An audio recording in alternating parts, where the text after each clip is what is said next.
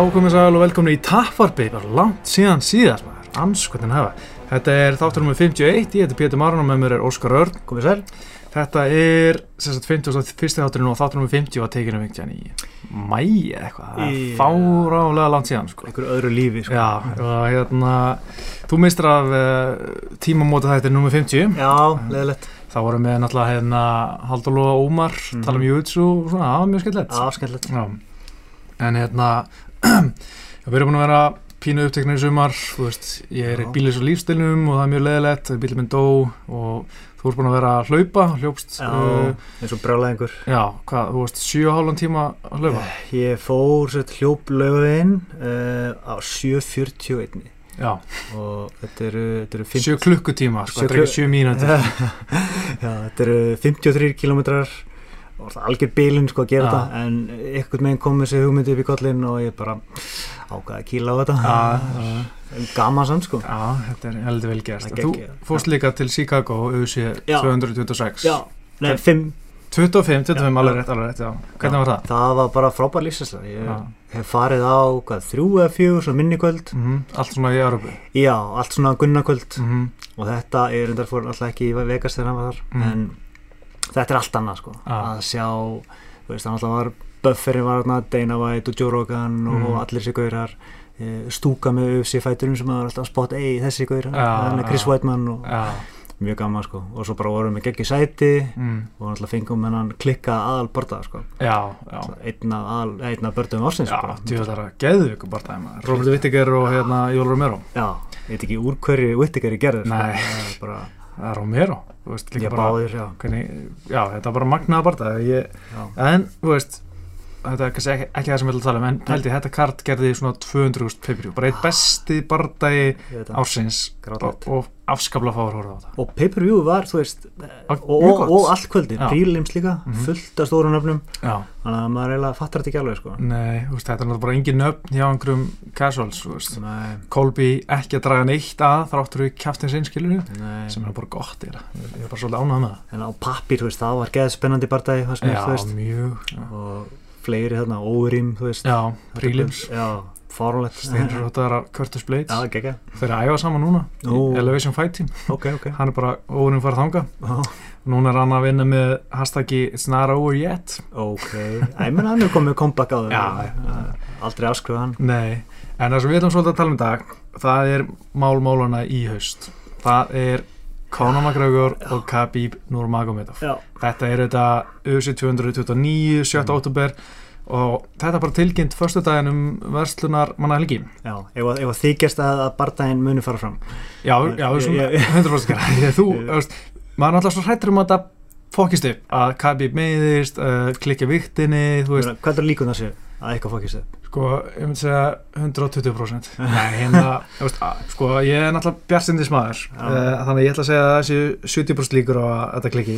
Já, það er samt stutt í þetta þannig að það er svona Mhm. aðeins vinnur með okkur en það kannski Já. vinnur á móti í weight cutinu hjá Khabib eh, en bara, þú veist, maður er svo brendur og, og maður veit bara að er eitthvað eftir að fókast Mhm. upp sko.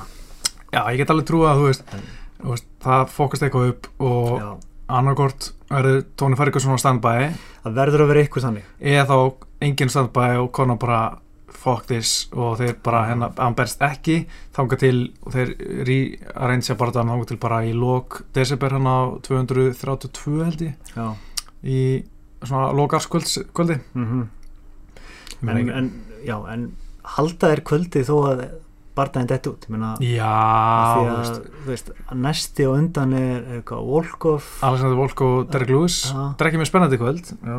Þeir eru ekki beint að hlaða stjórnum hann inn sko. Nei, en ég var með, mér langar að tala um það eftir, en, hérna, Mm. en byrjum aðeins á, á sko bara þegar þetta var tilkynnt, þú veist, þegar þá búið að klára þetta dómsmál með Conor, mm þú veist, varst þú að búast við að þetta er tilkynnt, eða varst þú að búast við að þetta yrði, myndi alveg en gerast, e, Já, en ekki svona fljótt. Já, Þú veist, ég held að það er kannski, ég veit ekki, alveg í lóka árs, kannski í Mm. desember já, eða jafnvel bara í byrjun næsta árs eða eitthvað. mm, Það er alltaf Conor, þú veist, að koma tilbaka með þetta í hvað hann er búin að vera að æfa mikið. Mm, og svo framvis og bara, veist, ég- vilja þær oft taka langan tíma til þess að auglýsa svona stóna bara þetta, mm, taka World Tour eða eitthvað. En ég er bara mjög ánægð með þetta, kýla á þetta já, taka bara sjensinn, þú veist. Þannig að það þarf ekkert að auðlýsa þetta meira sko. Nei, ég meina, það er búið að gera það ást, þetta er bara það sem selur sér sjálf sko. Og það líka, úst, að í- þetta kom mér svolítið óvart í að þetta var hann á fyrstu degi um, verslumann líki daginn fyrir auðvitað 227 mm, og það var hérna blamarhundur og ég var bara heima hjá þrániði félag minn og vorum bara eitthvað að spila tölvögget eitthvað bjór. Og ég var svona ekki að nenn að horfa blamarhundin í bjósti það er ekkert að vera neitt að vera að gerast. Veist, ég, að ég, veist, hefði verið búin að ég held að maður myndi verið búin að heyra eitthvað frá Arli Helvani Mhm. að þetta væri í vinslu og svo leiðis að maður væri svona eða þú veist annarkor þegar að væri komið til Las, nei, Los Angeles sem blaðmannhundur væri og þeir Mhm. myndi mæta þar eitthvað en þú veist maður sá bara að Conor var komin aftur til Dublin og Mhm. Khabib var bara veist, allan ekki í LA mhm. þannig að maður svona ok, þeir, þeir eru örglega ekkert að vera tilkynna þetta ég er svona basically nefndi ekki að horfa á þannig blaðmannfund og hérna var bara að chilla þóng til ég kíkt á Twitter, boom og búið Já. staðfest það og ég var bara yes! Er ekki skrítið, Yes! skrítið samt að það var ekki face-off þú veist. Jú, en, en, en mér er alveg saman mér þú veist, finnst sama, sko. það er bara en þeir, á- þeir hafa aldrei face-off sko. já, nei, nei, það er rétt maður er ekki síð á stærðamunin skilur horfa í augun og hlið. Mér langar að segja það sko. já, já, það verður gaman og það verður svona heimstúr ég hef viljað sjá þá og veist, taka, kannski, New York, Blamarfund Dublin og Moskvu og svo bara búið Já. það þarf ekki að vera mikið meira en fimm dagar eða eitthvað, að ég veit ekki, þú veist Hvað sagði þetta eina? Teki, er það að taka eitt svona Nei, þeir, Kvöld. þeir ætla að taka eitthvað svona gera eitthvað spes, er ég, ég er alltaf ekki búin að sjá hvað það verður Nei. en hérna en ég, veist, þarf ekki að fara veist, í einhverja sjö borgir eða fjóra borgir á fjóru dögum eins og með Floyd Mayweather og Conor Það var overkill sko. það var alltaf mikið, þú veist, við vorum búin með efni eftir fyrsta plan, eftir annar plan Já. það var bara búið, en þú veist, taka kannski nokkra svona, þú veist, það, jafnvel bara Dublin, Mm. eða við viljum alltaf hafa einn í bandrækjunum, mm. en þú veist þegar Conor Aldo dæmi var í Dublin og það var svo klikka, hann tók belti á hann og allir trillar, skilur, geggjað. algjör diss og allt það, en, það var svolítið gaman, skilur, Mm. mm. þá var maður bara svona, þetta er big fight, sko, Já. Mér dugur eiginlega eitt sko. já, já, Ég vil bara sjá það og taka face-off og taka Mhm. smá hérna, shit-talking En þú veist, ég þarf rauninni, Nei, mér langar eiginlega bara að sjá það þú veist, mér er alveg sama þú veist, það er fínt að fá blaðmann fyrir bandrækinn því að það eru svona legit gæðan eins og Helvani og, og svona sem munu spyrja góða spurninga og allt það skilur Mhm. en svo líka gaman að sjá, væri gaman að sjá það í Dublin og Moskvu það sem eru trilltir áhundur að keira upp einhver, vitlis í gang sko. Ég er er alveg til að sjá það sko. Ég vil samt eiginlega frekar að þessi bara einbytta sér að æfingunum er það stuttu tími, já, bara fókus sko. já, það er rétt það er ágætspunktur en, en, hérna, en ég var pínur hrættur um þegar úst, Conor var klárað á dómsmál að hans bara það yrði bara eitthvað bull hann myndi vera að berjast í DSP eða Mm. Diaz í. Þessi óttaðist það svolítið en auðvitað er þetta það sem að ég er hrikalega sáttur með að þið skilja að klára þetta bara og, og hérna og bara, fingers crossed já, og vonandi gerist ekki neitt því að, að þetta er úst, þetta er money fight fyrir USA já. en þetta er líka bara eitt besti barða sem USA getur mögulega sett upp Mikilvægu bardagi, góðu bardagi báður í, í præminu í Mm. rauninni eh, þú veist, Það er bara, það tikkar í öll bóksin sko. Og Algjörlega. áhugaverið stílar mm þú ert með þetta klassíska strækir grappler eiginlega og bara, get ekki beðið sko. Nei, nákvæmlega og, ég, ósigra skrýmsli. Já, og líka, þú veist, bara fyrru meistarinn koma tilbaka, Já, þú veist, endur já. belti góð Þú veist, og það er ekki eins og þetta gaggarinn það að fáið titluborða, þú veist hann, hann var meistarinn, hann bara nefndi ekki að berjast hann að tekið á hann, Mhm. núna er hann komið til að taka beltið aftur, Já, já. og hann er svo drullu saman þetta belti, sko, hann er konar, sko, það er alveg 100% hann en þú veist, það er samt skemmtilegt svona dýnamik, sko Mm, mikið í húi og Já. legacy sko. Og þetta er líka sko þessu góðu barndagi að því, þetta mun líka segja eitthvað svo mikið veist, þetta er erfiðasti, erfiðasti barndagin hjá Conor Mm. og hjá Khabib veist, meina, þetta er báðir að fara að mætast, mæta sínum erfiðast anstæði hingað til Já, hvað er erfiðast anstæðingur Khabib? ég var einmitt að hugsa, Já. hann er ekki búin að berjast í Nei. Dustin Poirier, ekki Eddie Alvarez, Barbosa ekki þú veist. Nate Diaz þú veist, Sennilega bara bósa já, Edson Barbosa, Alia Quinta og hérna Michael Johnson, þetta eru þrýr toppgæðir Reyðlega magnað, þú veist, Já. að búin að vera svona lengi í UFC Mhm. og ósögraður og komið með beltið en ekki, ekki bara stið toppin sko. Nei, og búin að vera, þú veist, einmitt, Já. lengi og einhvern veginn aldrei náða að berist þessa bestu, ég meina, Tónu Ferguson átti að berist hann fjóru sinnum, Já. alltaf ekki að klika og veist, það er alveg mjög sökjandi en ég meina, veist, það er fullt af barndum hana sem maður langar að sjá hann á móti sko. ég, Já. mér langar svolítið að sjá hann á móti Kevin Lee Já. spurning hvort að Kevin Lee geti, veist, stoppa fellinans Mhm. og þú veist, Örugglega næst besti grapplerinn hann já allavega mann ekki eftir Nei, ekki, betri, ekki, sko. svona fljótu bræði allan sko. Og ég menna það er, veist, það er svo mikið í húi sko fyrir hann að sína rauninni hann sé svona eins góður eins og maður er haldið Þú veist, á móti loksis gæðanum sem Mhm. var mestari skilur veist, ég menna það er fullt af ógeðslega góðum gæðum sem hann er ekkert barist í Mhm. sem eru annarkvort farðir upp eða niður. Hann er alltaf hafald á sjönja hann má, má, maður má eiginlega ekki gleyma honum. Hann er alltaf farin upp núna. Já, já hann, Það er kannski hann- svona- er Já, það er kannski besti áttur En þá, þá ertu að horfa á eins og, eins og Conor mætti Max Holloway. Ætlar að taka það sem topp sigur Mm, mm. Holloway var ekki alveg orðin, orðin Max Holloway þá En þetta var samt á mjög góðum tíma hjá Dos Anjos, hann var að vinna einhverja sjö barða í röð. Já, reyndar. Tapaði þessu manna og svo vann hann einhverja nokkar barða í röð og var mestari sko. Já, það er En- örgulega besti. Já, Það er rétt verð en ég, já, en ég hérna uh, veist, að sigurinn hérna Mhm. hann verður gíkandíst hæp á baku hann. Já, og líka, þú veist, ef Kapi vinnur þá verður hann hjút stjarnar sko. Hann verður bara Býstu held því? ég global icon næst í sko. Já, er það ekki? ég veit það ekki. Ég meina Það- þetta ískalda trastók sem hann ætlar að koma með. Gæti verið sko. Hann, hann hefur allt til þess sko. Já, en, hann er að Er þetta samt að segja það fyrirfram sko. Já, en ég menn Nate Diaz er hjút stjarnar eftir hann vann konar, hann er líka einstaklega karate sem kannski fólk þekkt ekki áður sem Já. eru svona aðdandrast núna sko. Já, og ég meina, úst, mér veist fullt af fólki utan að, að svona, sem er ekki diehard fans vera, úst, fylgjast með Khabib og, og þekkja hann og, já og finnist hann nettur sko. Mm Hann samt með þannig bardastíl mm að þú veist, hann er oft svolítið svona ég, ég, ég ætla ekki að segja blöytt teppið þú veist, Nei. en hann, hann kannski hann er ekki eins spennandi að horfa á fyrir casual fans Nei, og Conor en hann er samt svo mikið að smassa menn sko. Úst, menn eins og DSP domination. og Matt Hughes skilur, úst, þeir voru svolítið mikið að smassa menn. Matt Hughes er það með, klára mjög marg, marga Já. en þú veist, hann er að smassa svo mikið í jörðinu sko. Svo mikið domination. Og líka að tala við og, og líka veist, með hann kjátt og með hann ískalda húmor einhvern veginn og, veist, og hvernig hann er að trastóka veist. ég elska hann sko. Já, það er, það er geggjað sko. Já, hann er skemmtilegur en GSP já, já, klárlega sko samt að hann stjarnar já, hann var talað mjög mikið út af kanadíska Já, já, uh, markaðunum sko algjörlega Eh, En meina rústneski markaðurinn, hann er kannski stór ég veit Já, ekki, ekki pay-per-view markaðurinn sko. Þeir eru með bara eins og stöðu sport einhverja, í Rúslandi þar sem að þeir þurfa ekki að kaupa það, að það er ekki en hann þarf náttúrulega að vera stór fyrir pay-per-view pay markaðin í Já. veist.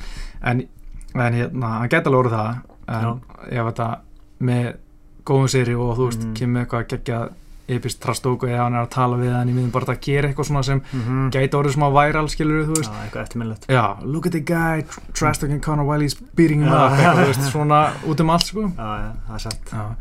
en hérna þessi barndæg, hann búin að vera að build up svolítið lengi, ég var hann að reyða upp hvenar var fyrst að tala um Kabi vs. Conor, þú veist Mhm. síðan hvenar, hefur þetta verið Já, maður erst að fletta því upp. Þetta er, mm.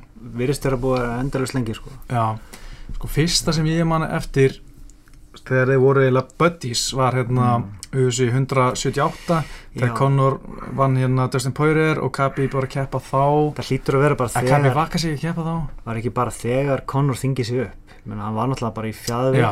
og þá voru þeir ekki rivals þannig nei. hann alltaf hans fyrsti já, hann allan fyrsta sigin sem ég man eftir ekki fyrsta sigin, en, svona eftirminnilegsta sem Khabib talar um, um Conor er þegar eh, hann vinnur Anthony Johnson, nei, eh, Michael Johnson Já, og segir við, veist, er að tala við Dana White í miðum bara hérna, protect your chicken Já, hann, já. hann, be careful, I'm gonna smash your boy Mhm. þú veist, og segja við Dana White um Conor sko, hann muni smassa hann sko já, og kemur hérna veist, í vitalinu við Rogan eftir á beginning of year tap out like chicken, end of year title og hérna spyr, þannig og veist, hvað segir maður svona rúsneska Já, og geggjað. það var úgeslega gaman sko. Mhm. og, og hann var náttúrulega ógæslega pyrraðar fyrir UFC 205 því að hann átt að fá titilbarta gegn Eddie Alvarez fekk samning, Mm. búin að skrifa undir og, og Eddie Alvarez var eitthvað svona að spila hérna spila hardbólum Mm. upp að hann sem hann átt að fá gegn Conor Mhm. og ákvaða endanum að samþykja að lærri uppæð Mhm. til þess að berjast gegn Conor heldur en að berjast gegn Khabib sko og hérna svo man ég að það var eitthvað frekar lítið sko sem hann fekk sem var bara svona Hver? það var eitthvað svona 200-300 uh, já eitthvað svolít skilur það var bara svona uff, þetta ekki, var ekki góð dýl fyrir því þetta, þetta Ok. okay. alveg en ég manna ekki alveg, kannski er ég að byrja sko, en hérna, já, ég man ekki en hérna og þá var, fannst mér svona Kabi fyrst, kannski vera pyrraðar á, þú veist mm. Conor að fá titlubart en ekki ég og hann er ekki eins og með eitt sigur í svona kindaflokki Já. og komið svona logical rög Mhm. og allt það en hérna, það fínt að þessi reyður sko. já, já það, það, var, það skemmtilegt sko. smá bíf sko. já en þú veist, við höfum alltaf ekki séð hann síðan í november 2016, Conor sko. nei, það það, veitum ekkert hvað hann er inni stattur Já. veist, hversu mikið er hann búin að æfa er hann betri, er hann verri einmitt er hann með úthaldið já, veist, kannski lítur hann bara vel út. Mhm. Veist, það er ekkert máli runni að að vera bara á hlaupabrettinu og, Já, já, ég held að hann borðið alltaf mjög clean sko. Já, en hérna, held- hann er aldrei búið að fá sér Dominos og hérna bræðaræf, hverjum degi sko. Nei, en er hann að reyna að bæta sig veist, er hann að reyna að vera Mm. betri sko. Ég held að hann sé ennþá svona martial artist í honum sko. Já, en kannski sé kannski ekki nú mikið að hann sé á tveisvar dag, marga klukkutíma á dag. Þú veist, Mm. ég einhvern veginn efast um á maður alltaf sé mikið að jam myndum og myndbundum á hann sem er bara mm. jamminu og, og, og maður svona hefur sterkan grunum hann sé að setja eitthvað í- neða á sér með þegar hann kastaði hérna trillinu í rútuna og, og, einmitt. og þegar hann hoppaði búru og reyðst á hérna, hrindi dómaranum skilur já, og veist, þetta er allt svo óeðlileg hérna, og svo mann ég var eitthvað mjög skrítið já, það var hérna, þegar hann rústaði einhver hótelherbyggi í Liverpool þegar hann var þar sko, mm. Hvað það ekki fyrir einhvern fyrir flóitbardaðan sko, mörgum mánuð fyrir flóitbardaðan Mm. þá var mjög mikið að veist, einhverju svona ekki einhverju kókain held, það var eitthvað annan lið sem verið svona sniffa sko, svona Mm. eins og sniffa lím eða eitthvað sem úlingar er að gera, skilja eitthvað mjög steikt sem var út um allt sko í hótelherbygginu Jesus. það var- kom fram í einhver blaði sko veist, en það getur vel verið að sé bara fólki með hann skilur ekki Já. hann sjálfur, maður veit það ekkert en, hérna, en bara miðað við hegðunum hans skilur þú veist, nokkuð dæmið, það var hann bara svona Já, svo er einhverja fréttir um að maður er búin að eyða næstu í öllum peningunum sínum, veit ég hvort þú sást það ég, ég, veist, ég selða ekki dýra og ég las valla greinina sko, en veist, það er spurning hvort það getur það verið að það sé búin að spreða öllu? Sko ég get alveg trú að hann muni eitt að hann vera gjaldróta en hann er að eigða fáralega miklu s- eh, með samfélagsmiðla og hann eh, talaði um hérna að í fyrra var gott viður í Dublin mm. þá kom hann bara að kaupa bát og tvei jetski til að fara út á vatni svo vissi hann ekkert hvað hann átti að gera og enda bara að gefa pappa sinu bátinn skilur Já. þannig svona það kvati þannig að kemur ekkert á óvart að hann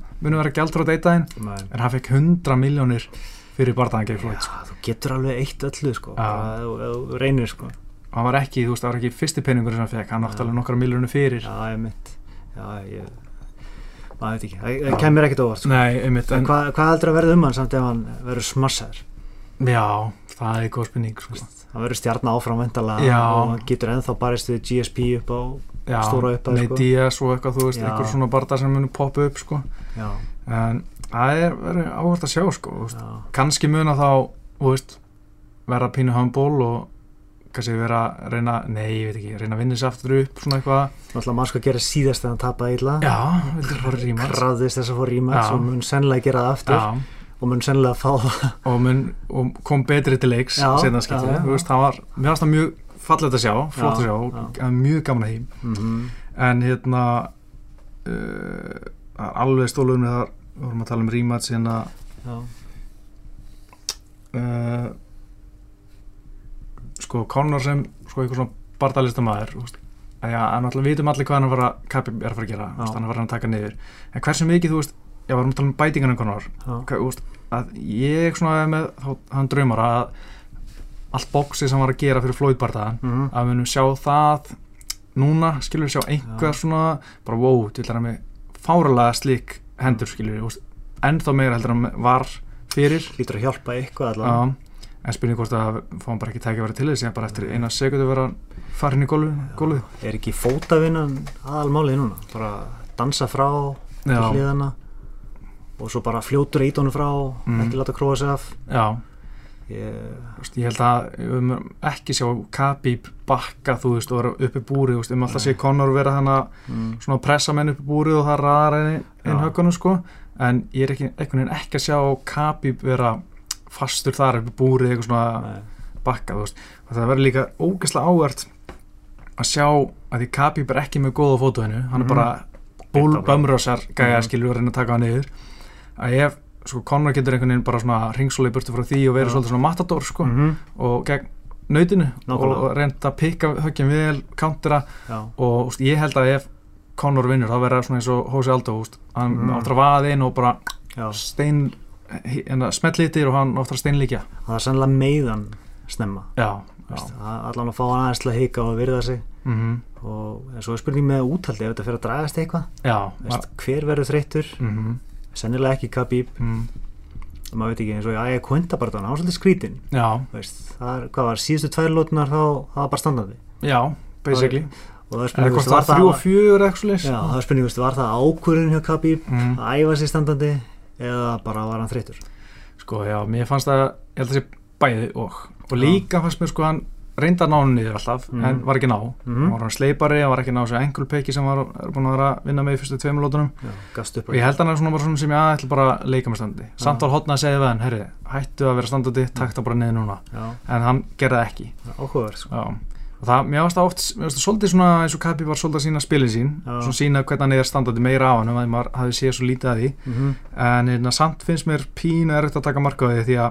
þú horfir á, þú veist, alveg kvindabartan þá er það bara svona flatfúta, svona í miðin búrunu pikka á svona eitt og eitt högg, skilur já, engin, en- engin svaka hraði en hann mun aldrei vera að gera þetta mútið Conor hann mun vera að pressa hann allan tíman skilur, vera, sko. og bara ná hann niður og, og úst, klinsa við hann og, og allt það ég, meni, ég held að barðan mun aldrei vera í þessari fjarlæð já, og ef það er þá heldur þetta sé búið skilur mm. -hmm. Og við sáum líka þú veist Khabib er með hræðilega vörð gegn höggum, oft sko, gegn Michael Johnson og gegn Alec Quinta var hann oft að bakka með högun átt uppi. En ég einhvern veginn held bara að muni ekkert vera að bakka á móti Conor, ég held að muni alla Mm. allan ekki fyrstu tvælutunar bakka. Ég held að ef Conor er að pressa þá munum bara að skjóta einu skilur í Já.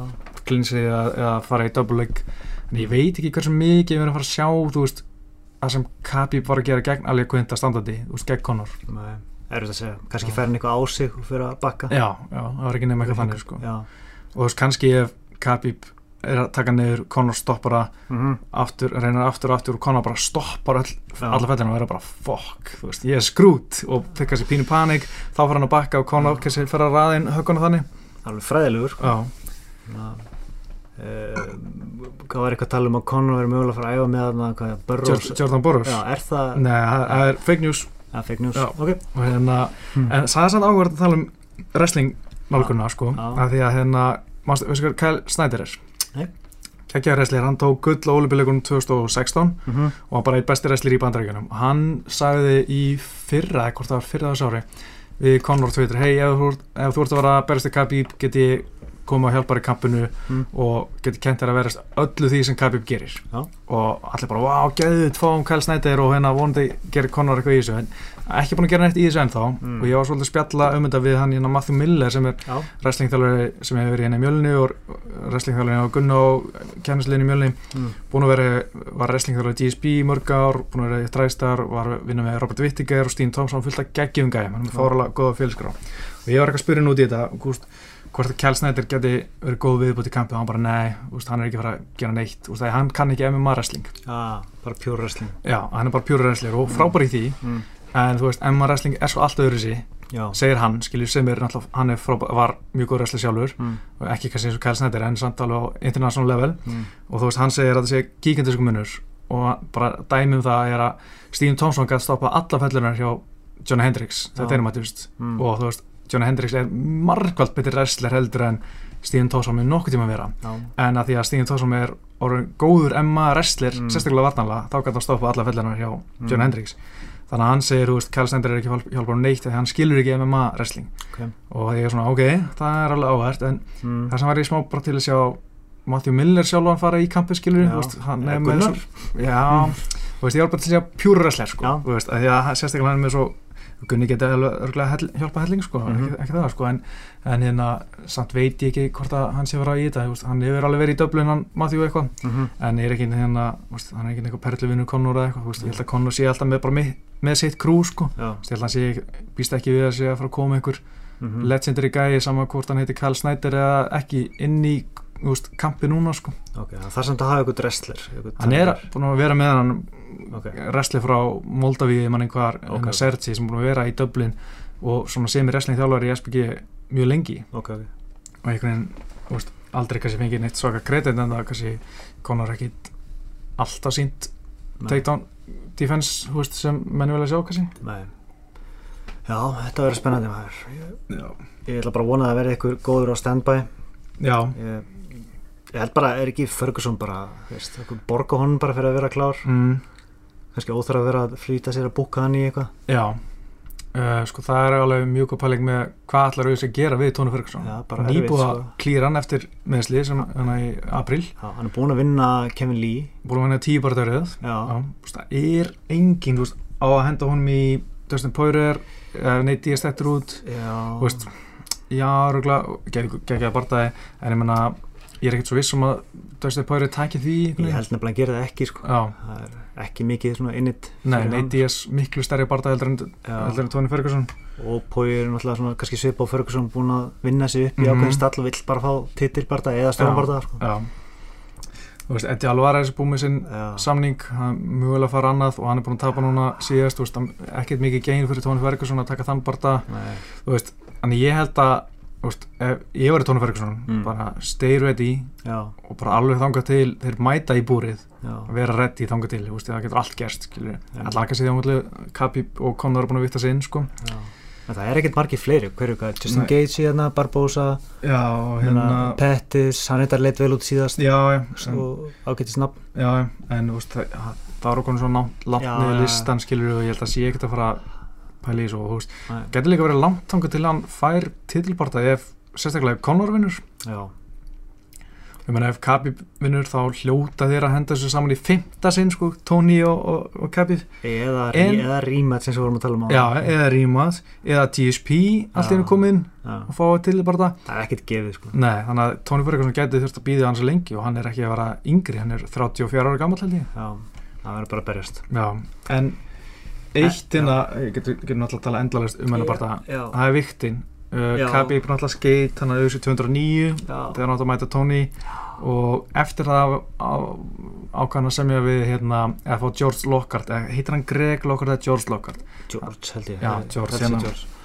bara einn svona virtasti næringafræðingurinn í MMA Mm. veist, allir tala óslega vel um hann held ég nema flestir, nema einn allana og hérna uh, og hann hjálpaði Khabib fyrir bardaðan, síðan næsta bardaðan sem hefur það vættalega verið hvað uh, ekki alveg að kvönda heldur bardaðan Á undan.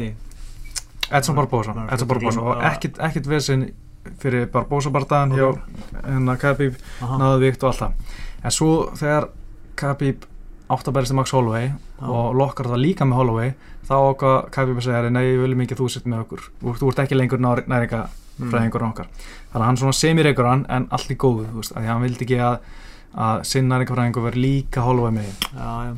svona alltaf dettur Hollywood og allt það sko Mm. en núna er hann að fara að berist upp mútið Conor og George Lockhart er líka næringa fræðingurinn hjá eða stu, George er með. Já, þannig að ég veit ekki hvort að Khabib muni nota Lockhart aftur þannig ég er svona smá stressaði fyrir viktinni sko já, hann lítur að finna eitthvað góðan sko. Já. Hann er búin að læra reynslunni Já, kannski er hann búin að læra bara það sem George var að gera, skilur bara, bara, já, eða bara, þú veist, búin að læra reynslunni og bara búin að finna eitthvað góðan að hljóta Já. að vera margir góðir í þessu núna já, ég veist, bara potið, sko. Já, En svo eru sem er er alveg mikið í húfi sko. bullum, bullum kolla, kolla sem skjótast hann upp en að, hvað heitir það hérna, Perform Athletics eða eitthvað. Já. Þeir voru með Ray Borg og hann skeit á viktinni hana fyrir TG þessu 215 Já, og var líka með Jonathan Jacek, mm. skeit þar hana fyrir, fyrir Rósbardaðan Mhm. og hérna og mjög margir tala illa um þá sko það er bara ræðilegt bara og það er á veist, það er svona dæmi sem er alveg svona maður sé marga fætir að vera með þá sko Skrítið hvað það komast langt þessir gaurar sko. já, þú veist allt í einu bara svona, ef maður sé nokkar fætir að vera að tala ógast illa um þetta performs, perform athletics eða eitthvað, mann ekki hvað heitir Man finnst bara samt í svona stórum barda þess þeir hljóta bara að vera með þetta á hreinu sko.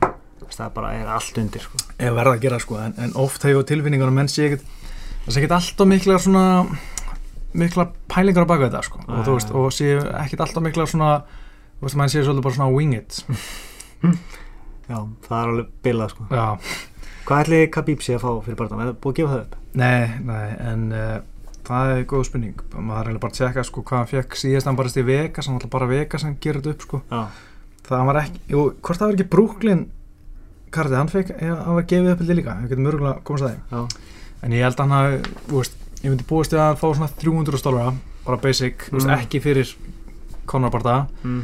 en ég, hann sagði, veist, ég vill ekki fá minna en Nate Diaz fekk og Nate Diaz fekk held ég miljón dollara. Mm og ég býst við að hann fái sko pottitt miljón dollara guaranteed sko ekki með Já. paper bonds og með paper bonds er hann örgulega að fá þú veist, Tvær, þrjár já, tvær í viðbót. Já.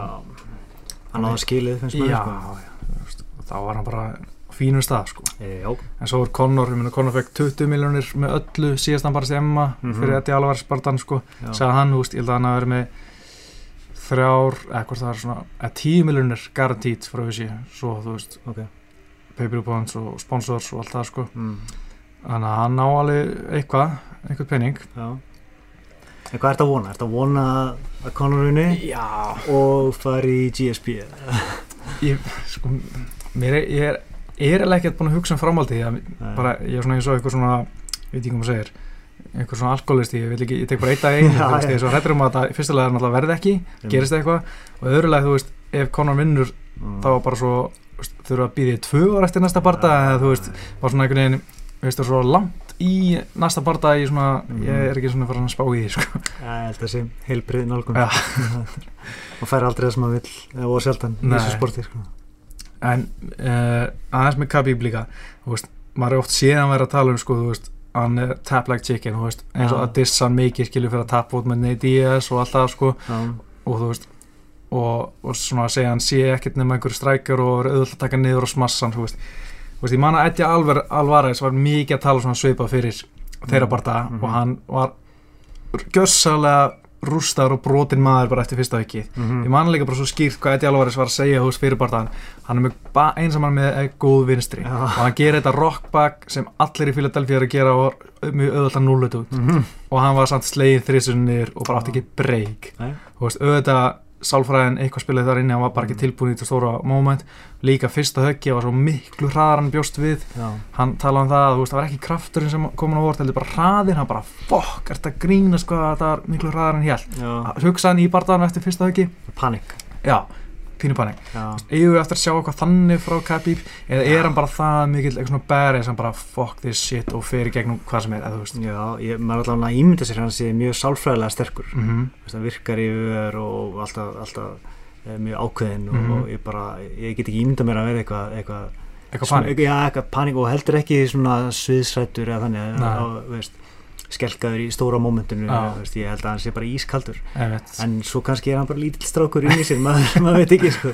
kannski bara með gott pokerface. Já, einmitt, maður, maður veit ekki þetta verður, áverð að sjá það sko, ég, veist, ég vonar innilega einhvern veginn að, veist, ég held að það var svo gaman að sjá, þú veist en mér langar svo mikið að svo rótök, hjá Já. Conor, það væri bara svo, svo gaman að sjá hvað klikka, það er bara eins og Það er Conor Aldo, þú veist, þetta er svo ógleymalega augnablík að sjá Mhm. okkur bara þegar hann er detta og þegar Conor, nei hérna Þetta er alveg að svo kildinni í fyrsta sinni með bara svona, shit, þetta grínast, já, maður. og hérna, þetta er svo geggið augnablík, að Mhm. að mér langar svo mikið að sjá það, Mhm. ég held alveg, ég held minna með Conor núna heldur en síðast að hann bara, veist, bara Já. hvernig hann er búin að hafa sig fyrir svona taugunar á mér og, og einhvern veginn svona, ég læti þetta trúbla mig, þetta, þetta hefur áhrif á svona mína, ok hvernig mér líður með barðan svona, en þú veist, en ég mun samt alltaf vera geðveitt spenntu fyrir að sjá hann, Mhm. þú veist, vinna og mér langar mikið að sjá hann vinna, sko, Já.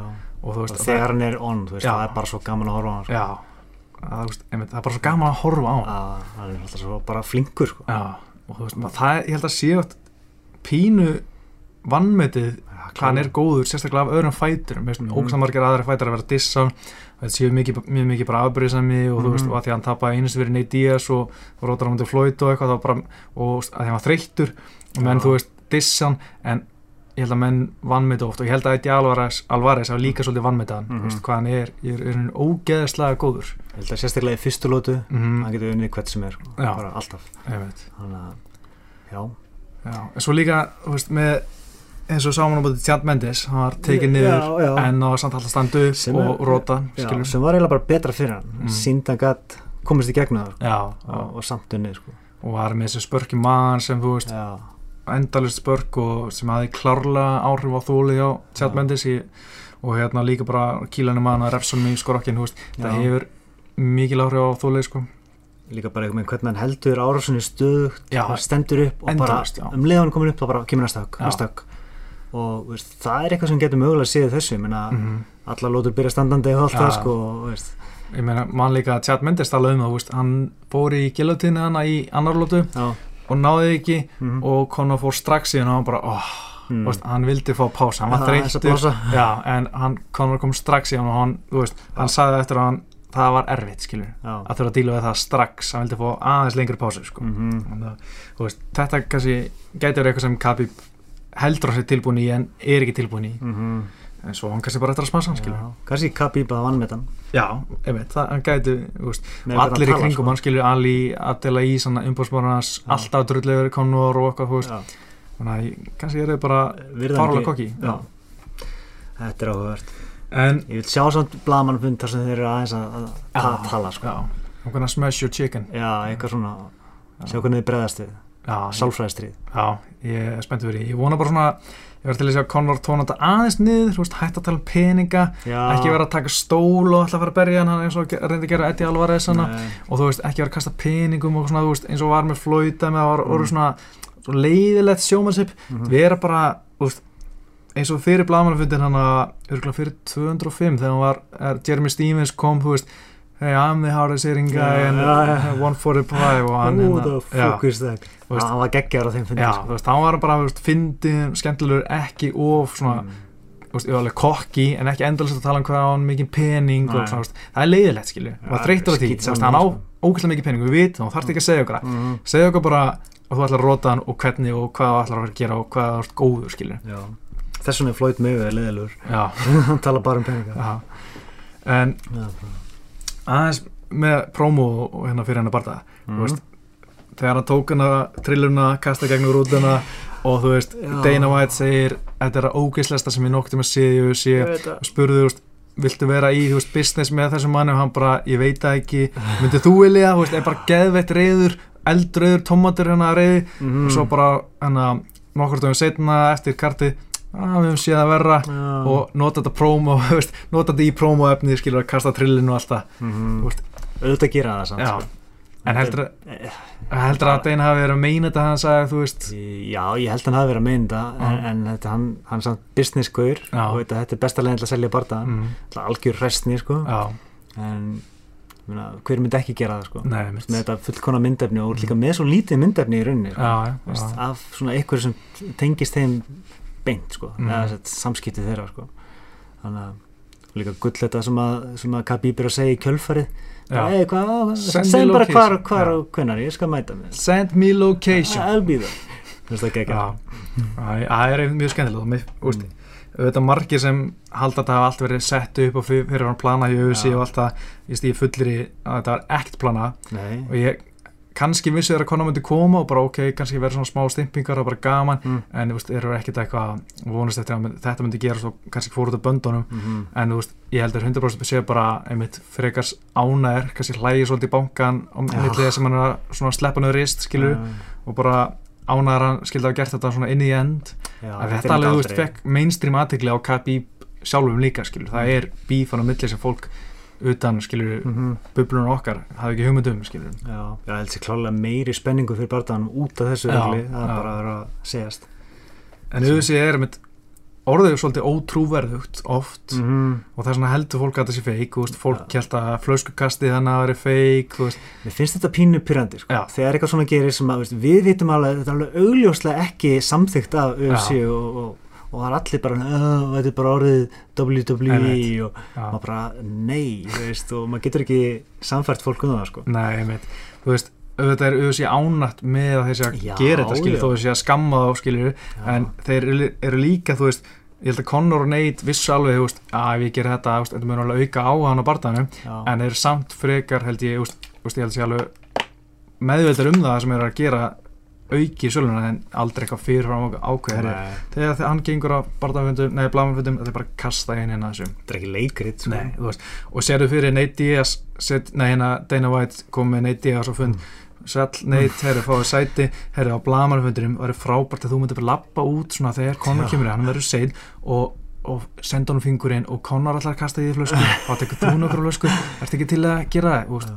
Maður sem nennir ekki svo mæti viðtöl fyrir sko prí-UFC pakkan veist, til að tala um anstæðingi sinn. Mm líklegt að þessi maður sé að fara að taka hvað í einhver svona. Það er bara brandari sko. já, veist, þetta er bara fronturinn sem þeir eru með. Er bara nákvæmlega eins og þeir eru mm þannig að já, sem finnst það- skemmtilega já, sem gerir það sko. en hvað með Nate Diaz, bara svona aðeins þú, Já. mann, sko, er hann að fara að berast í döstin ég veit þetta ekki. Er sko. Ríkur þarna út. Já, og, og svo fréttist ekki neitt. Nei, og Dustin er bara svona, já, þeir myndur örugglega láta mig ut ef, ef Já. partæðin væri off uh, ég er samt ekkert viss um það sko. nei og ég skil heldur ekki hvað Nate Diaz vill. Nei, hann á- er- já, hvað var vandamáli? ég veit ekki. Við- hélt hann að hann myndi fá konabortaðan í þriðja sinn? Og minna, ákveður má ekki vera partæði á milli veist. já, ég Veist, þetta, þetta er partæði núna stutt á milli. Mm. hann og Bóir og, og Conor Khabib. Tilvalið að vinnir hann mætist. Já, þetta var eiginlega bara fínt fyrir hann. Já. Ég veit ekki hvað hann er ósættu við sko. Nei, ég bara get ekki það er bara eins og vanlega er þetta að koma sér inn í hugur heim að Díaz og bara- gríðalega gríðalega sko, maður veit ekkert hvað er að spá. En, en já, þeir hafa það fínt örgla Já, ég bara vona að partæðin sé onn sko. já, það það er geggjaður bara það skemmtilegu partæði sko. alveg já, skemmtilegi stílar sko. já, ég vona einhvern veginn samt að neyti að Dustin vinni sko. Já, mér finnst hann líklegri. Já, kannski aðalega þegar hann er búin að vera aktífari og svona, maður veit ekki alveg hvar Díaz er en vona- Díaz er upp á sitt besta að geta unnið sko. já, þú veist, ég er samt smárhættur um að þú veist, Poirier muni vinna eða byrja vel, mm. byrja að vinna sko, og síðan er Nate Diaz bara drullegar bara allt sem hún gerir hefur engin ára á mig þú Já. veist, þú getur kýlt mig eins fast og þú getur og mun ekki hafa neina ára á mig Mm. og byrjar svona að hakka sig inn í barðan eins og móti Michael Johnson Já, hann byrjar bara, Michael Johnson vann fyrstu lútuna mm svo byrjar bara Nate Diaz bara hvað þetta að gera, Já. ekkert sem hún gerir virkan á mig. Og byrjar bara að hakka hann í sig en þá sama hraða, hægist á döstin ég veit, og högginn fara að hlaðast inn. Að geggjaði bara ég ég er alveg til að segja það sko. ef við sjáum, just, ef við sjáum þetta, það væri frábært. En fyrst við erum að tala um hérna þess annan trúurileika í UFC mér veist eins og þegar kom inn með Brock Lesnar ég gjör sannlega hata þetta Mhm. moment svo mikið veist, jú, þetta var astanlegt moment og Brock Lesnar er alltaf astanlegur en það sem ég finnst svo leiðilegt við þetta er að Brock Lesnar er í alveg að fara að fá veist, og þá er ég bara svona fekk, mjö, þetta var skemmtilegt kvöld veist, mm. gaman að sjá DC vinna veist, svona skemmtileg sá og bara fínir bardaðar, en svo eftir þetta fekk ég bara svona smá óbra í minni. En fekk svona, þú veist, hvað er að gera hérna? Veist, e þetta er ekki alveg íþrótt, við erum bara einhver bulli. Þetta er það náttúrulega ekki sko. Við verðum eiginlega bara að viðkynna það sko. Þú veist, þú að er bara erfitt, Þú sko. verður bara að sætta við Það- Þetta er ekki venjulegt sport og veist, það getur, veist, stjörnur skipta meira máli heldur en svo sem er nummer eitt. Já, Það er bara þannig. En en ég vil bara, ég, ég skil það alveg það, það, það er stór partur af þessu að stjórnur, veist, skiptir miklu máli og selja alltaf, en það verður að halda smá integrity í þessu belti. Við getum ekki gefi manni titilbarta sem er ekki unni barta í átta ár. Já. hann vann 2010 síðast barta jú, hann vann hérna markkvæmt hann fjall að lögubrinn, no contest. Afgjör að tekja með, drullastu aftur í línuna fucking brokklastar ég hata hann gæi, af því að hann er ömulegu fætir leiðilegu gæi Já. leiðilegu persónleiki, leiðilegu fætir. Það er ekkert gaman um, ég skil ekki af hvað hann er vinsall, ég bara næði ekki. Nei. hann er WWE vöðatröll er það í alveg svona spennandi? Nei, ég fatt það ekki heldur. En, en hvað með, þú veist, bara Daniel Cormier er skilið að fá eitt svona money fight sko. já, já, Veist. en ekki beltið. Láttu beltið í friði skilað beltinu. Já, þú veist, það er alltaf að þeir berjast og mér fannst þetta mm. antik á milli þeirra í búrunu mjög aðstæðanlegt en það var svo auglust að þetta var fake. Það var svo auglust að þetta var svona engin ítlandi Já, ekkert bíf, þannig að ég var svona æ, strákar, Mhm. hvað er að gera? Veist, ok, mjög aðstæðanlegt og alltaf og það er alltaf að þeir berjast, en ekki upp á beltin en please halda smá integrity hérna í Mm. þetta belti, sko Já, hann er samt fyrirvændi mistari 2010, Já, ég veit það er fá- fárálega langt síðan, sko Já, já. Daniel Cormier var nýbyrjar MMA þá Conor. McGregor var ekki, þú veist, hann var ekki hann var svona 2-4 4-2 Ég er ekki, ég ekki ósamála Nei, já. en ég þetta ekki. og þetta finnst mér að setja svo ljótan stemplu auðvitað þannig að fólk sem er ekki horfa á bara þetta er allt fake, þetta er allt WWE Já. kæftæði og mér finnst það svo leðilegt, ég þóla ekki. Settu þessi spór UFC þú ok, þú ert með hvað, Curtis Blades já, eða Brock Lesnar? Já, og þú ert með hérna hrúapenningum Mm. og hérna ertu með hólu sem Mm, að eru vonandi eitthvað, eitthvað klingi. Mhm. Hvað ætlar að gera, þú veist? Setur upp Brock Lesnar, Daniel Cormier, pay-per-view, engin titil ætlar, ætlar að svifta hann titlinum eftir nei. hann er búin að róta stípi nei, nei, hann bara fær, þetta er ekki tilur uh, og hvað verður um beltið með bara hinn er býða en þá er enginn hvað sem er að berast um beltið? Nei, þannig að þú vilt frekar að það sé bara laust, eða það sé ekki að sé í geimslu, frekar að sé eitthvað svona óverðugur bardagi. Já, ég bara meik ekki að sjá Brock-Lesnar vera að berast um belti ok, það er bara, mér finnst það miklu og mér finnst þessi belti ekki skipta jack set máli, Það- þú veist, er fyrir USA Mm, veist, bara eins og, ok, með DJ og TJ Mm. af hverju geta henda þeim í 130 putta catchweight barda ekki upp á neitt fokking belti bara sjá það berjast, þú veist. Já. af hverju þarf alltaf að vera eitthvað belti, þú veist, að vera eitthvað mistari þú veist, hafið bara belti fyrir það sem er bestur, skilju, og þá þú veist að sanna þú sér bestur. Mér finnst einmitt bara veist, þetta með beltin vera orðið eitthvað svo útþynt og tilgangslöst já, að veist, mér er eiginlega alveg sama sko. Ég vill eiginlega bara sjá góða bardaga já, og hvort sem það er eitthvað einn belti það, veist, ég, ég get ágjörðið að sé vera að trubla integrityð af beltinu og mm. þú það er lengur búið að gera, sko. Já, já, þess vegna finnst mér bara ok, mér er alveg saman hvort sé beltið eða ekki, ég vil bara sjá góða bardaga og ef þeir vilja berjast þá bara berjast þeir en, en hvort það sé belti undir eða ekki finnst mér ekki skipta öllu máli, mér er bara skýt saman Já, ég bara með langar ekki að sjá hann á barða þannig að ég, veist, ég vil, bara, vill bara ekki sjá hann mann perið komast nála til því sko. Þannig að ég er eitthvað í svona ég er bara að hata brokklistar, ég er bara heitir ok, það er ég, bara ég er ekki svona heitur á mótónum Já, sko, en, en ég skil alveg hvort það meina. Þú veist, mér finnst þessi belti alveg löngu búið að missa gildi sitt, Algjörlega. með öll þessi interim belti og bara Mm. þau eru bara tekin burtu hægri vinstri og getur ekki bara sinna eftir tvo daga, þá bara er burt með beltið, mm. átti það ekki skili hendum hérna interim beltið hérna herru hendum þessum í óbarda, hann aldrei varðið til sinn, Mm. herru hendum hérna stera górlu í tilbarda, hann er ekki unnubarda sem 2010, þú veist þeim er drullu sama, mm Mhm. þú veist, það er bara þannig, þetta er bara eitthvað markastól sem ég nota Já. og ég, þú veist það er bara, mér finnst það leiðilegt stundum skiptir að máli eins og í léttustu þingdarflokkunum mm. eins og DJ, menna, veist, það var eitthvað sem virkilega skipti máli Já. að vera búin að verja beltið og veist, hann var besti gaurinn Mm veist, það, var, það var eitthvað alvöru sko. já, já, en almennt þá, já, það var orðið útþynt og sem er leðilegt sko. þetta, gerist í bóksinu sko. ég, Já. var mikið bóksaðdáðandi áður og það var alltaf, það var alltaf þrjúbelti mm. að fyrst var alltaf voða mikið WC-beltið var alltaf aðalbeltið, að græna beltið Já. varst þetta svo komum IBF og WBA Mm. þá var þessi þrjúbelti og, Já. Og, þú ert eiginlega aðalgöðurinn ef þú nærði eitthvað meina samin öll þrjúbeltin þá ertu orðinn svona já. unified champion svo þegar ég var svona eiginlega svona að detta út úr sportunum þá var WBO að Já. detta inn í þá var það fjögubelti sem er svona aðalbelti sko. og svo eiginlega var það þannig að, að aðalbelti og gaurinn sem er bestur hann fær svona, svona bara afhend belti frá Ring Magazine og það er eiginlega besti gaurinn sko. Já. hinn beltin skipta eiginlega engum lengur sko. þannig að þú veist með hrúabeltum já, en það vita allir bara að það er þetta Ring Magazine belti sem að já, ja, það er náttúrulega það sem að þessi belti átt að vera sko. já, já, já. en þeir eru búin að klúra þessu. Já, maður veit ekki hvernig þetta verður en, en hérna ok, talaðu um hérna uh, allt annað. Já, 229, karti mér finnst þetta svolítið uh, pínu vombri karti sjálft Já.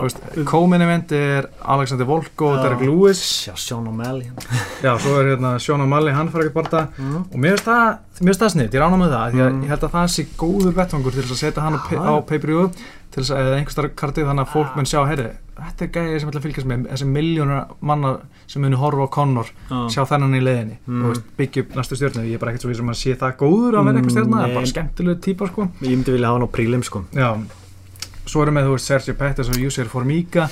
Alveg fínasti bardagi þú veist, Óvinsens Brú, Dominic Reyes. Mm. Dominic Reyes er held í gæði sem áttur að vera eitthvað þeng í léttangveitinni þannig að ég held að það sé tæki var allir byggja hann upp með því að henda hann á, á karti mm -hmm. svo er ræðanlega fleira Tony Martin veist, ekki spennandi. Ekki spennandi. Lína Landsberg, Janna Kunnutskæja Mm. mm, Missile Waterson, Felix Herri hann sá bara að vera pottit uh, á góðan stað. Já, Uh, kannski aðal prílim með eitthvað. Já það er uh, allt í lagi bara fínasti bara bara Missile Waterson sem er bara ekkert spes. Nei, hún er búin að tappa svona stærstu börnunum sín Já og séum alltaf að reyna að búa til stjórni úr henni, hún bara Já. tapar, hún er ekki nógu góð Nei, Svo, já, Sean O'Malley og Quinones eða eitthvað slíðis, já. Quinones að ég skilur í máli Það verður auðvitað geggjaði bardaði og eitthvað algjört stríð og auðvitað mjög skemmtilegt Ég var til að sjá þennan bardaði kannski svona fyrsta bardaði mainkartinu sem Mm. opna kvöldið, búið til eitthvað spennandi en mér finnst vanta eitt svona þú mér, veist. mér stil bara vant að hellinga á þetta kart sko.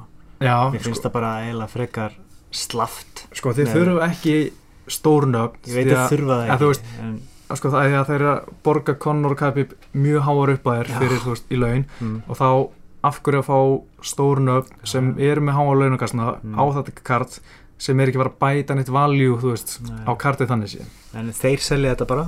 Já, já, er bara en ég var til að sjá svona up and veist. Ég var til að sjá Já. Gregor Gillespie hana best fisherman in UFC ok mér finnst hann mjög skemmtilegur, hann er 5-0 held ég, eða 4-0 í léttveit, mm. ógeðslega góður geggjar bardamaður, mm. Alexander Volkanovski hann er 5-0 sem tók hana Darren Elkins og pakka hann á saman daginn já, sjá svona gæja, gæja sem gæti orðið eitthvað, og hérna og sem eru skemmtilega karakter líka, þú veist, sem bara hefa ekki fengið neina ást frá UFC, þráttur Mm. mm. að vera geðveikir í búrunu mm. og eins og best fyrirsemennin í UFC, Gregor Gillespie.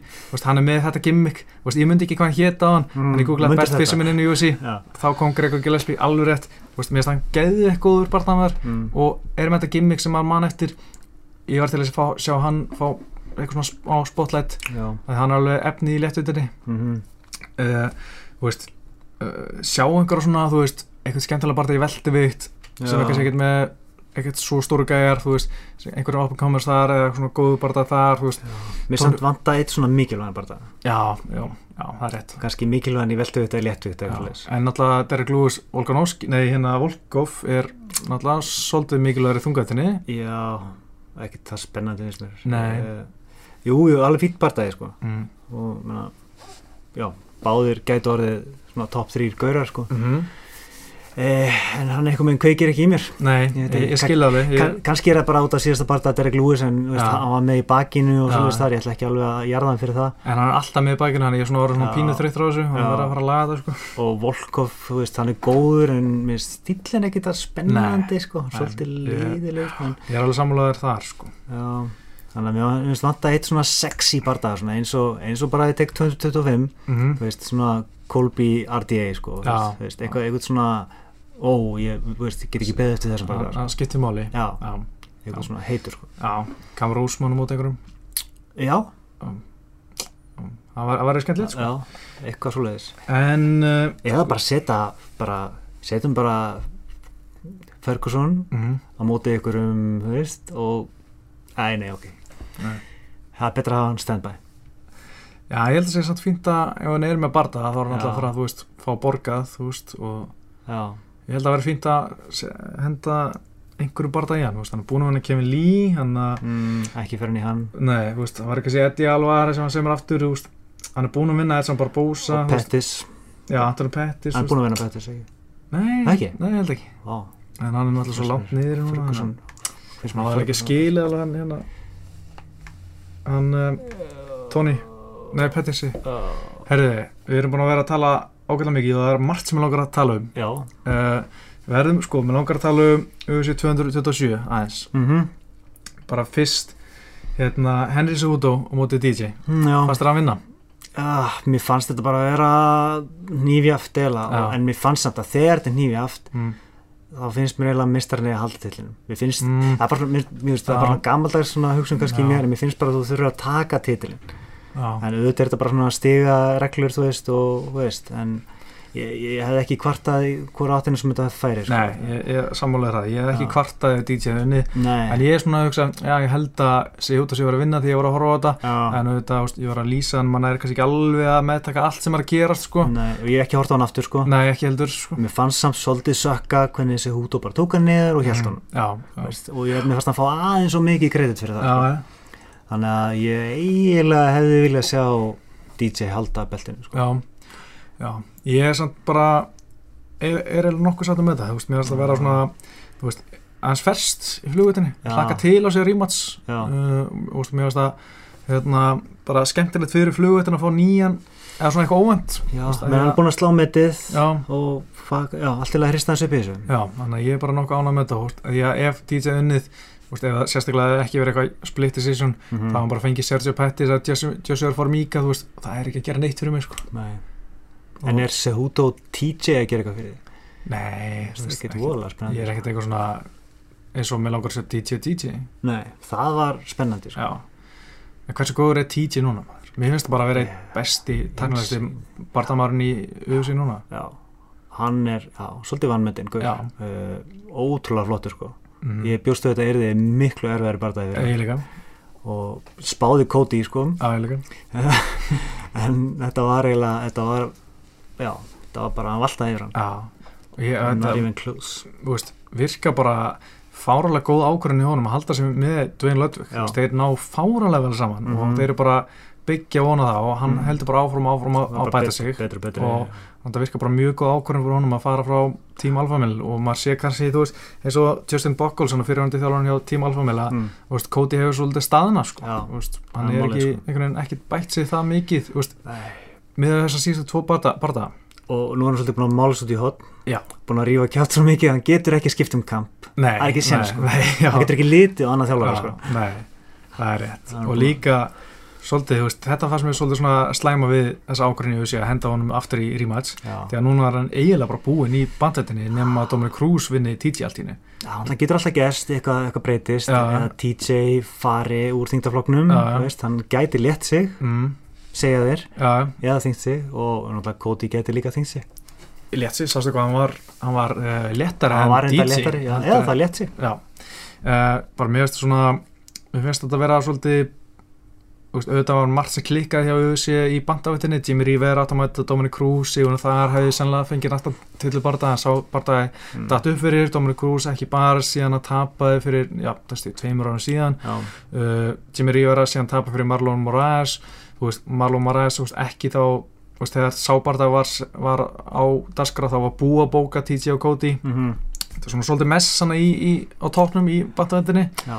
en Cody er samt, hann er frá í sex mánuði skils mér, Já, út af já, ykkur ok. meðslum þannig Ok. að ímislegt getur gerst Já, já, já. En hvað viltu sjá TJ gera næst? Mót- ykkur? Eh, TJ uh, hver er næstur í röðinu? Sko, hann alltaf Dominic Cruz já, eh, Marlon, Moraes að eða Hafaði Ásson sjá já, ég myndi segja Krús Mér langar miklu frekar að sjá Marlon Moraes Krús vanna Mér langar að sjá já. TJ bara þú veist Mér langar að sjá Cruz Ég- vinna eitt barða áður en hann fær titilbarða Já, Því að hann er ekki búin að berja sem hann tapa beltinu til Cody í desember 2016 ég er bara svo hættur um að hann tapi þeim bara Já, já, ég er, það geti vel verið. En þá er hann bara ekki náttúrulega góður í. Champions, mér langar að sjá hann fá titilbarda og mér langar að sjá TJ vinnan í titilbarda Já, og svona byggja upp sko. já, ég skilji. Og ég held að hann myndi gera það. Já, já, mér langar að sjá Marlon Moraes að því að það er nýtt. Já, svo skilur maður alveg rökinni á Hafal Asson Sjá, hann er búin að, hann er 11-1 eða eitthvað. Og eina tapað var gegn TJ en hann tapað fyrir TJ bara er minn en tvö ár síðan eitthvað og mér, hann var ekkert svo spennandi barndagi, mér langar ekkert svo mikið að það og hann vann líka Marlon Moraes úst fyrir ok, rúma ára síðan. En hann er alltaf, hann er ekki klára Nei. hann er ekki, þú veist, spennandi og hann er ekki, þú veist, með sannfærandi sýra þannig að ég, mér langar ekki að sjá hann fá til, til bara þó hann hafi margt Já. til sín smál sko. já, ég ætla bara að segja þú veist, nefndu mér mest spennandi Rafael Assanso barda sem þú hefur séð tíkja til þess að fyrir bara þegar hann vann hann að splitta sér já, þú Guðurinn er bara ekki skemmtilegur sko. Nei, Þú veist, nei. og það er bara sorry þú veist, Já. þetta- eh, þú múum að tala um að þetta er ekki íþrótt þú. Mm. hann væri löngu búin að hafa tælsjótt ef þetta væri já, íþrótt mm. en þetta er sjó líka já, já, og, og þú þarft að vera skemmtilegur. Hann þarf bara að vinna í því að klára barða og, og, og, meðan þannig svona taka skrefi rétt átt með því að tala eins og segja hans í mækið þannig að þú veist, mm að, þú veist hvað er málið sko, Já. ég er búin að vinna hennar fullt af börnum. Hann spurði eitthvað hvað það er að gera til, að fá tilbarta já, uh, nummer eitt, klára bara Já. nummer tvö, eh, vinna samfarti ekki vinna svona mikið á split decision Nei, Ég meina, taka ekki- séns að bara- vera, þú veist, fara í submission eða þú ert alltaf í gólfinu, þú veist, gera þetta aðeins meira. Þá getur þú fengið tilbarta, já, auðvitað, frábár barða já, en auðvitað var ekki, er ekki smá að tala á móti því sem ég var að tala um á hann að ég vill að þetta sé íþrótt. Þú ert svolítið Já. contradicting. Já, en þú veist það er, sko, ég skilulega entertainment aspekti, sko, en það er samt svona smá línumilli, þú veist, Brock Lesnar er ekki búin að vinna barða í 8 ár, fór til barða eða hafa svo, svona sjá sem er ekki skemmtilegur, Mm, og svo Marlon Moraes sem er skemmtilegur, en þeir báður á mjög söpum stað, já. þá skil ég alveg herri, gefum Marlon Moraes frekar titilbarða Mhm. þú veist, það er ekki eins og Marlon Moraes hafa ekki unnið barða í 8 ár, eða Dominic Cruz eh, unnið barða í 8 ár, það er nú bara veist, hann er ekki búin að vinna, ekki búin að berjast í tæp 2 ár Mhm. Þú veist, ég, en þess vegna vil ég fá Marlon Moraes, hann er búin að vera góður mm. sigugöngu, búin að vera Rótamenn, Róta Jimmy Rivera síðast, Satt. Algerman Sterling vissulega tapaði fyrir uh, Asson Sjá, Já. en það var split decision Mhm. og þú veist, mjög tæft. Fyrsti barða hans ég hef séð held ég. Rétt. Þannig að kannski smá jitters. Þannig að mér finnst að Marlon Moraes á að það já, það mætti vera eftir krús finnst mér. Já, ok, ég, þú veist, ég ég- mér finnst það líklegast að USA gera það. Já, og mér finnst það alltaf lagi, skilja hérna, ég skilja alveg. En ég vil bara sjá Dominic Cruz vinna bara það. Já. Ég, er fyrst. bara, ég bara gaman að því að það er beef þarna, krús og TJ og mér finnst Eh, það svona skemmtilega að sagja já, ég ætla að fara að tala um 228 líka en, Mm. en ég nenni ég ekki núna, Ok. við getum 8 inni Já. tölum aðeins um Íslendingan okkar já, það er ekki búið að mikið gerast þessu veist, það voru hérna Nei. Maggi og nokkra aðri strákar voru að berast í jú, var ekki júli bara hérna á hvað heitir sjóðu eftir uh, Maggi? Cates eitthvað, að ég man ekki, eitthvað svona appisgulu banner og veist, Maggi vann sinn annan próbárata þar, hann 2-0 þar Mhm. það var bara flottu sigur Já. og hérna og bara eh, hérna svona eiginlega mesta sem er búið að vera í gangi þessu ári er, er hjá Reykjavíkama og Maggi er búið með tvo próbárata Mhm. Bjarki Þór er ekki búin að berjast, Bjarki Ómars er ekki búin að berjast Ein, ég held að, hvort það sé ekki bara Maggi eini er búin að berjast próbarta þessu ári já, hálfdött á Já, búið að vera mjög erfitt bara og erfitt að barta margi mittir og þú veist, Mm. eins og Gunni og svona Já. búið að vera frekar döft og Sunna búin að vera meitt líka en það er svona bjartar tímar framöndan blikur á lofti Já, blikar, byrjum á þessu á Gunna mm. Gunni náttúrulega fór í aðgerð í apríl á Mm. liðþóðanum Mhm. uh, er búin að vera að, á batavegi, auðvitað, ég hafði að setja það hann er farin að æfa aftur Mhm. en hann er ekki farin að, ekki orðin alveg 100% þannig að hann- er ekki farin að leita að fætt Nei. þannig að það, ég býst ekki við að hann verði á oktoberkartinu Mhm. uh, eins og maður var svona smá á mónast eftir Conor og Gunni þú veist, aftur á kartið skilur Mhm. en, hérna, en ég held að hann verði ekki þar ég held að hann verði ekki alveg tilbúin til að fara í kamp strax til að Ok. geta barist í oktober hann er ekki fann að sparra 100% eða, Jú, ok, þú veist, alveg vissulega en, en hann er, bara getur ekki eft eins mikið eins og vildi fyrir kamp. Mhm. þannig að hann er að- ennþá aðeins að jafna að uh, þannig ég kannski búist að hann fái bara í november það er bara pínu leðilegt sko að það er ekkert kart eftir í Európu og auðvitað virðist alltaf vilja setja hann í Európu því hann er Európst stjarnar í rauninni. Já, já. uh, þú veist þannig að það er bara hann er fara að berast bara einhver staðar. Ef hann fær bara þessu ári Ég er bara á þeim staði, ég vil bara sjá hann berjast punktur sko. já, nákvæmlega kom honum í búrið, veit, svo, svo skulum við hugsa um Európa næst sko. Já, algjörlega, ég vil bara sjá hann einhver staðar Já. alveg saman þú sé í Kína það er Já, bara mjög gaman að fara til Kína sko. Já, það er hérna Shanghai í Já. november Brasilíu eða eitthvað, já, sko það er alltaf kart í Argentínu Já, í 17. november Santiago Ponzinibbio yeah. leita anstæðingi rematch baby viltu það? já, eiginlega Ok, en þú veist, samt er ég mjög stressaður skilur en þá, þá, já þetta er svolítið svona Cody Garbrandt dæmið sko. Veist, þetta er svo mikil á þetta sko. ég veit það lendi í þessu aftur Já. þó að við náttúrulega trúum því að það gerist ekki. Já, það væri slæmt sko. en það væri klikku svona skemmtilegt storyline sko. Algjörlega. Það myndi hefnast það væri bara geðveikt en einmitt svolítið, svolítið riski move og, og hérna ég veit alveg að Gunni verið til í það en það kannski er ekki alveg Nei, besta karýrmúfið á þessum tímapunkti kannski. Af hverju ætti Ponsin að taka þetta já ég segi það, ég held að hann muni alltaf segja nei sko, já, alltaf uh, en ok, við vonumst bara eftir að hann fá barndað þessu ári því að ef ekki þá væri bara hrigalega svekkjandi já, uh, hérna, Svora Sunna já, hún er náttúrulega búin að vera í bölluðu basli með hægra höndana sína Mhm. hún er búin að, ekki búin að berja sín í júli bara síðan og Gunni barist sem Mhm. helgi 16. júli uh, hún, ég held að Gunni var 16. og hún 15. júli Já. í innvekta en hún er núna í alvörinni á mjög góðum stað þú veist, ég man, ég talaði við hana í byrjun ás það sem var bara, "Herra, þetta er alltaf að koma ég er auðvitað að fara bara að leita fætt bara svo svona, ég veit ekki hvort það kom bakslæðin þetta allan að uh, var ekki eins, leita ekki eins vel út eins og hún held í fyrstu þannig að hún hefur ekki alveg geta byrja að leita bara en núna er hún búin að láta innvíkt að vita, herru, ég er good to go ég, ég til í að berjast og, og Já. innvíktaði með karti í september, hún er ekki farið að vera þar það er alveg vitamál, en innvíktaði síðan aftur með karti í november, ok. Þannig að hún gæti mögulega enda þar. Spennandi. og það er held ég bara Kansas City já. eins og alltaf. Hvað er þér að tvekja mánu fresti cirka já, cirka sko, þú veist, þeir eru með svona sjö bardagkvöld ári. Já, hann að vera þá annars í janúar ef það klikkar. Ég held það sko, ég held að sé ekki með í desember sko. Nei. Og þá er það alltaf leðalegt ef hún er ekki það. En, ég er nokkuð björnsinn að hún fái Já. Nómabur, ekki það ég veit eitthvað, ég bara björnsinn á það sko mm.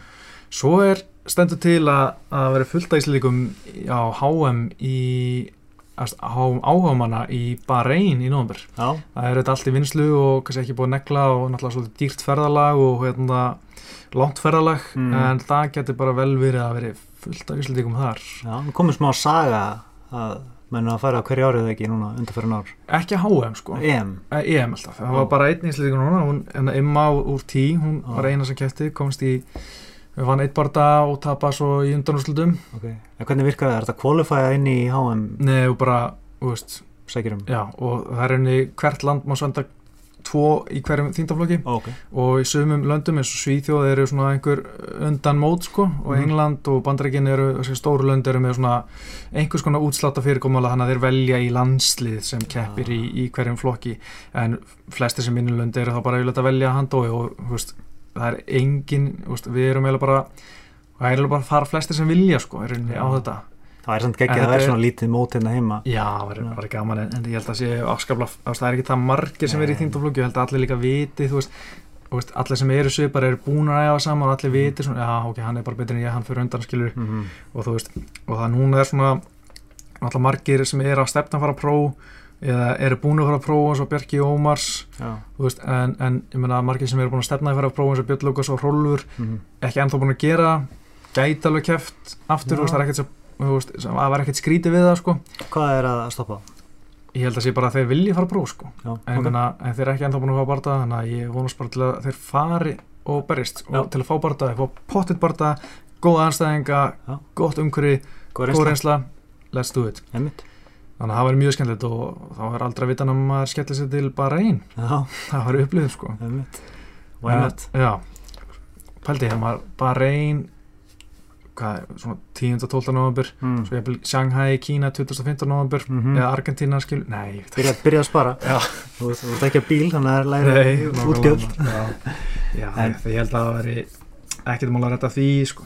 Nei. ég bara þykist það er einhver námi núna það veri pínu erfitt sko að vera svona mikið út í Ah, Tekur bækóta með? já, fokk þetta sko Mm. Það er rettast alltaf með Ok, Já. en, svona bara almenn með, spurning með íslenska MMA og svona, veist, Mhm. er eitthvað í gangi varandi lögleðingu, þú veist, nei, þú veist, það er bara það er einu svona bara þingi þarf að fara að gera eitthvað í þessu en við er erum, ekki við erum kannski ekkert endla að setja pressu á þingi ætti einhvers að vera að gera meira að því sko Er það ekki, er ekki að, þú veist, það gerist ekkert nema við ítum á það. Já, veist, það er alveg nokkur þingum sem hafa áhuga á að skoða þetta Já. en veist, það er líka bara mörgunnu brýtni mál sem eru, þú veist, Mm. svona eins og heilbyrðiskerfið og svona heilbyrðismál sem eru, þú veist, taka mikinn tíma og, og alls Já. konar, ég náttúrulega veit ekkert um pólitík, fylgist mjög lítið með Það maður ekki að finna bara eitthvað þingmann sem að vantar eitthvað svona mál. er það er af svona gaurin sem eru bara með eitthvað eitt svona pet project Já, og bara sannfara eitthvað svona gaur mm, sem að er fer lítið fyrir mm, að bara taka þetta sem svona ástriðu já það er aldrei að vita að maður sé að Hjálp. finna þannig, sko hjálpa honum að skrifa frumvar Já, er ekki ykkur í lögfræði sigkvætur já, hann er náttúrulega orðin lögfræðingur Já, já. sko. já, já, það er auðvitað að fara að gera eitthvað meira í þessu, bara já. en uh, já, svo er ég að vinna í bólumótinu nr. 2 ég ætla einmitt að spyrja þið það ég er að ræða nokkur matjúpi núna þetta er geggja spennandi held ég okay, fyrsta var geggja gaman sko. Já, það var bara hrikalega skemmtilegt. Þetta er að skemmtilegsta sem ég hef búið til eða sem ég tekið þátt í að að gera sko. þetta var sjúklega gaman. Já, hlaka til að gera þetta aftur núna í september. 22. september er, dagurinn sem við erum að vinna með. Já og mér finnst bara mjög líklegt að það verði. Ok, bara svipa sett upp og síðast. Já, bara basically saman um að náða ekki að fá auðvitað fætti núna. Reyndi sko, já, en það ekki, virðist ekki vera að takast. Þannig að hérna skal segja þér að við slökkum upptökunum hvernig ég var að reyna að fá ok, ok en, hérna, en það er allan stefnir í að þrýr útlendingir mjög góður glímenn komið hinga til þess og keppi okkur Sér. fólk minn svona persónulegi draumur Já. er að fá Kínan Cornelis á móti Já, það er ekki ekki já. Sigurður er mittu núna hann er ekki að fara að keppa hann, Nei. en, en, en, en Tom Breeze hérna sendir mér skilum á daginn og já, vill fá rímals Sigurð Já, ok. Í, ég Einn daginn hendum við því, veist, við ekki veist, ég ætla ekki að gera þessu auðvitað ég var með endalista einsta rímatsi sko. maður að láta smá tíma líða milli til að láta rímatsi malla sko, það væri ultimate svona hræsni Já, nákvæmlega. Instant rematch Ætlar að liðleita að tala. Mhm. einhver podcast í hvað einsta rímatsi aðstæðan og henda þið strax í gang. Mhm. Herri, við ætlum að segja þetta gott. Uh, búið að vera helviti gaman, þetta er gaman. Að Já, við erum að gera þetta áttur Þú voru að fara að sækja mig bara svona. Já, Já, herri, takk fyrir að hlusta, ég heiti Pétur. Óskar. Og takk fyrir áruna og verið sæl